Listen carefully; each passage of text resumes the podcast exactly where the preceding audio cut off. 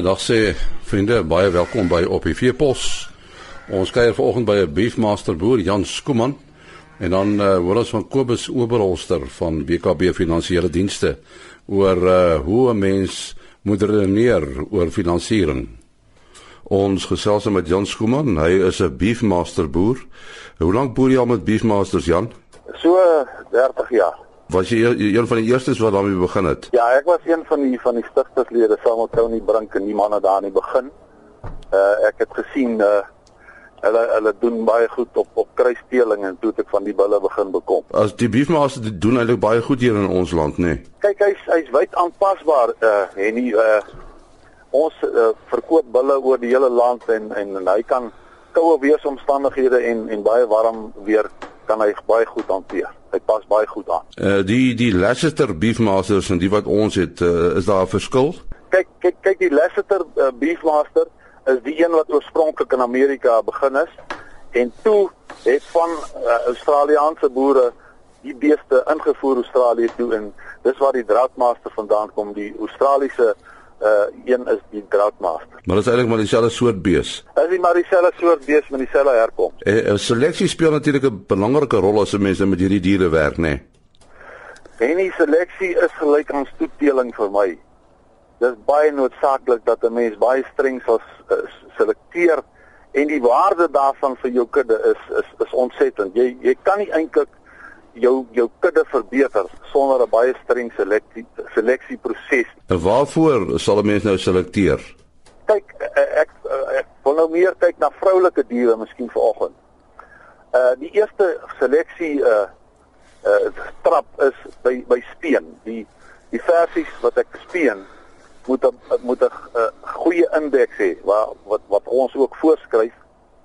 Met ander woorde onmiddellik kyk ek na haar groei en ek sien uh, haar groei is goed. Met ander woorde haar ma sorg baie goed vir haar. Dis my eerste trap op my seleksieproses in my my vroulike kudde. En dan die tweede ene is ek my my verse kalwe op 2 jaar. Nou ek weet daar is klimaatsomstandighede en plaasomstandighede wat dit nie toelaat. Maar by my werk dit baie goed want dit is vir my 'n baie goeie seleksiepunt om my verse vroeg by die bil te sit. Ek toets vroeg rypheid.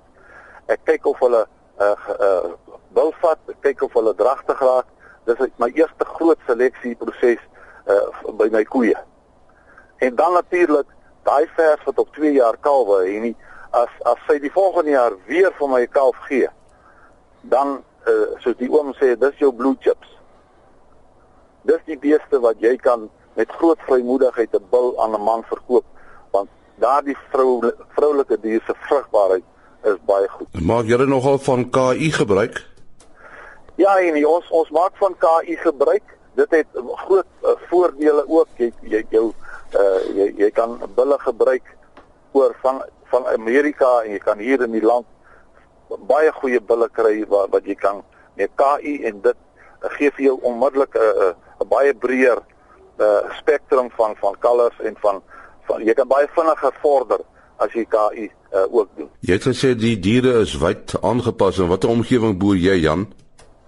Uh, ek boer in uh, in in Limpopo en Luistroom omgewing. So is eintlik Bosveld omgewing. Het Bosveld omgewing. En hierdie as ek as ek kan terugkom na die seleksie, dan die die die volgende ding is TKP. Die tussenkalfperiode van van koeie is uiters belangrik. En wanneer mense nou uh, beeste op 'n veiling sit en jy sit bulle daar, dan kyk die boere baie graag na die TKP van van die bul se moeder. En dan ook natuurlik uh, watter persentasie van van van haar gewig van die ma se gewig uh, speen die kalf wat vir jou ook 'n baie goeie seleksie proses uh, uh, help mee.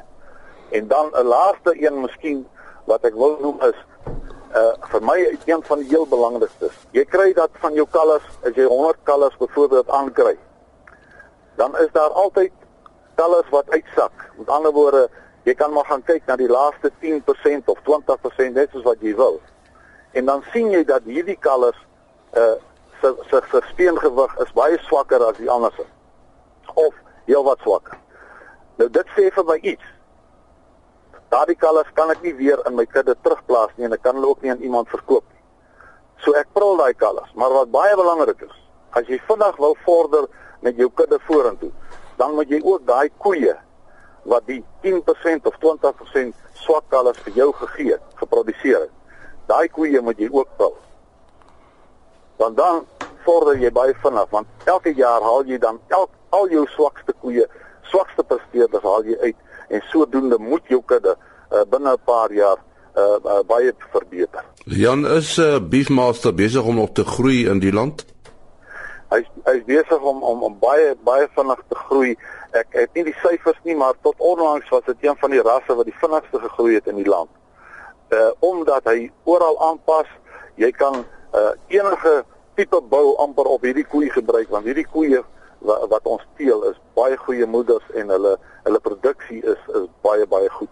Hulle vrugbaarheid waarop ons kwai konsentreer, uh, baie op konsentreer is waarop ons werk. Die koei moet elke jaar 'n kalf speen of sy word geslag. Nou hoeveel uh, beefmaster manne is daar in die land? Kyk, ons is uh, geregistreerde uh, uh, lede uh, is ons hier na die 100ste kant toe. Uh, wat wat wat stoetteling doen.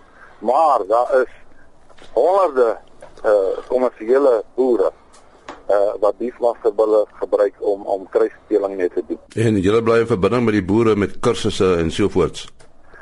Ja, kyk ons het ons het elke jaar bied ons uh, ons genootskap 'n kursus aan uh verkeerders maar ook vir nuwe uh uh teelers om vir hom so gou as moontlik op die regte pad te kry en al die die afdraai paaie op op te wys en al die die gevare in in in stoetteeling. So ons ons het elke jaar 'n uh, 'n uh, 'n uh, hele program waar ons hierdie uh, nuwe teelers en ouer teelers wat weer kan terugkom en 'n uh, kursus neem en waar ons hulle uh, uh, probeer help om sukses te behaal.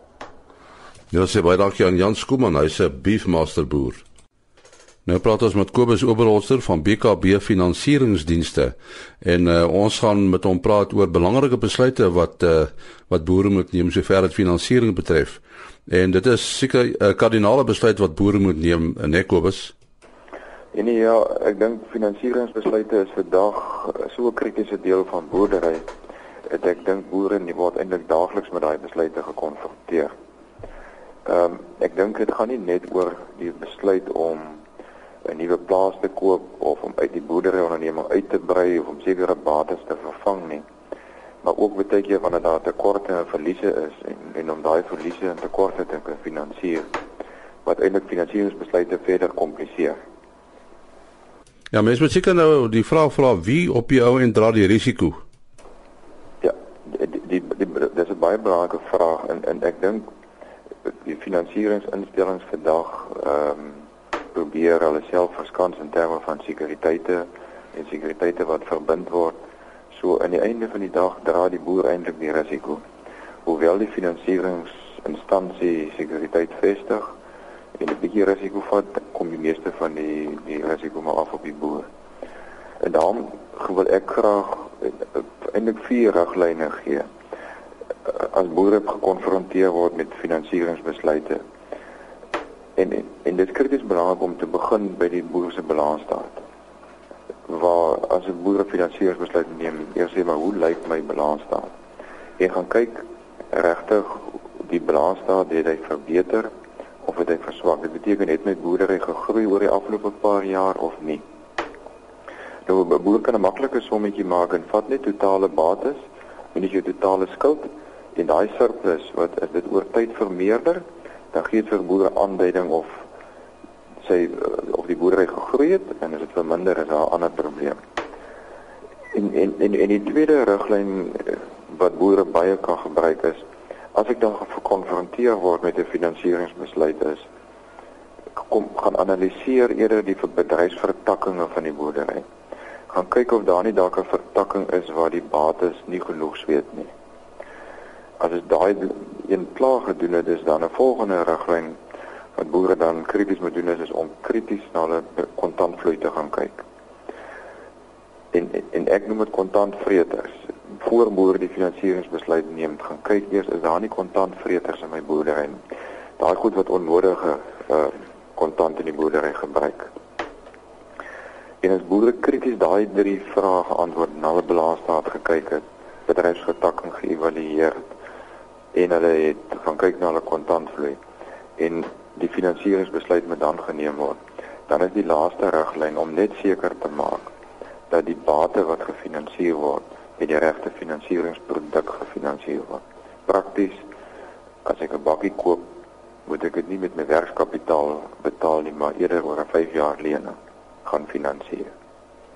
Uh, jy jy die woord konfrontasie gebruik. Is finansiering 'n konfrontasie of is dit 'n geleentheid? En dit is 'n baie belangrike vraag. Ek dink ons moet wegbeweeg van die kom kom ons noem dit die stigma dat uh, krediet op sigself of die aangaan van skuld op sigself sleg is. Ja, krediet hou risiko's in om of om skuld op te neem, maar dit is nie noodwendig sleg nie. Dit ek dink dit gaan daaroor is, is as ek geleende geld of skuld in my boerderyonderneming inbring, moet dit vir my 'n groter opbrengs in die onderneming genereer. En solank dit daai toets slaag, is 'n skuld voordelig en as daar nie insprake van konfrontasie nie. En natuurlik mens bou 'n sogenaamde finansieringsrekord op. Ja, banke kyk baie goed na na na die trekrekord van kliënte en daarom is dit so belangrik daai vierde riglyn wat ek gee is gaan kyk dat jy die regte finansieringstermyne met die regte produkte sit. Dit gebeur soms dat boere 'n plaas finansier en dit gaan nie te sleg nie en dan betaal ons die plaas in 5 jaar af en in plaas van 10 jaar of 15 jaar. En kontantvloei kom onder druk en en banke sien dit baie keer as 'n swak kredietrekord. So daarom is dit baie belangrik om daai kredietrekord van 'n boer wat met hy baie mooi oppas en mooi aanbou. En koop as jou telefoonnommer as mense vra het. Boere kan met enige tyd bel by 082 579 6891. Kobus Oberholster van BKB Finansiële Dienste. Dit is ook die einde van op die veepos. Môreoggend om 4:45 is ons weer op ons pos. Tot dan, mooi loop.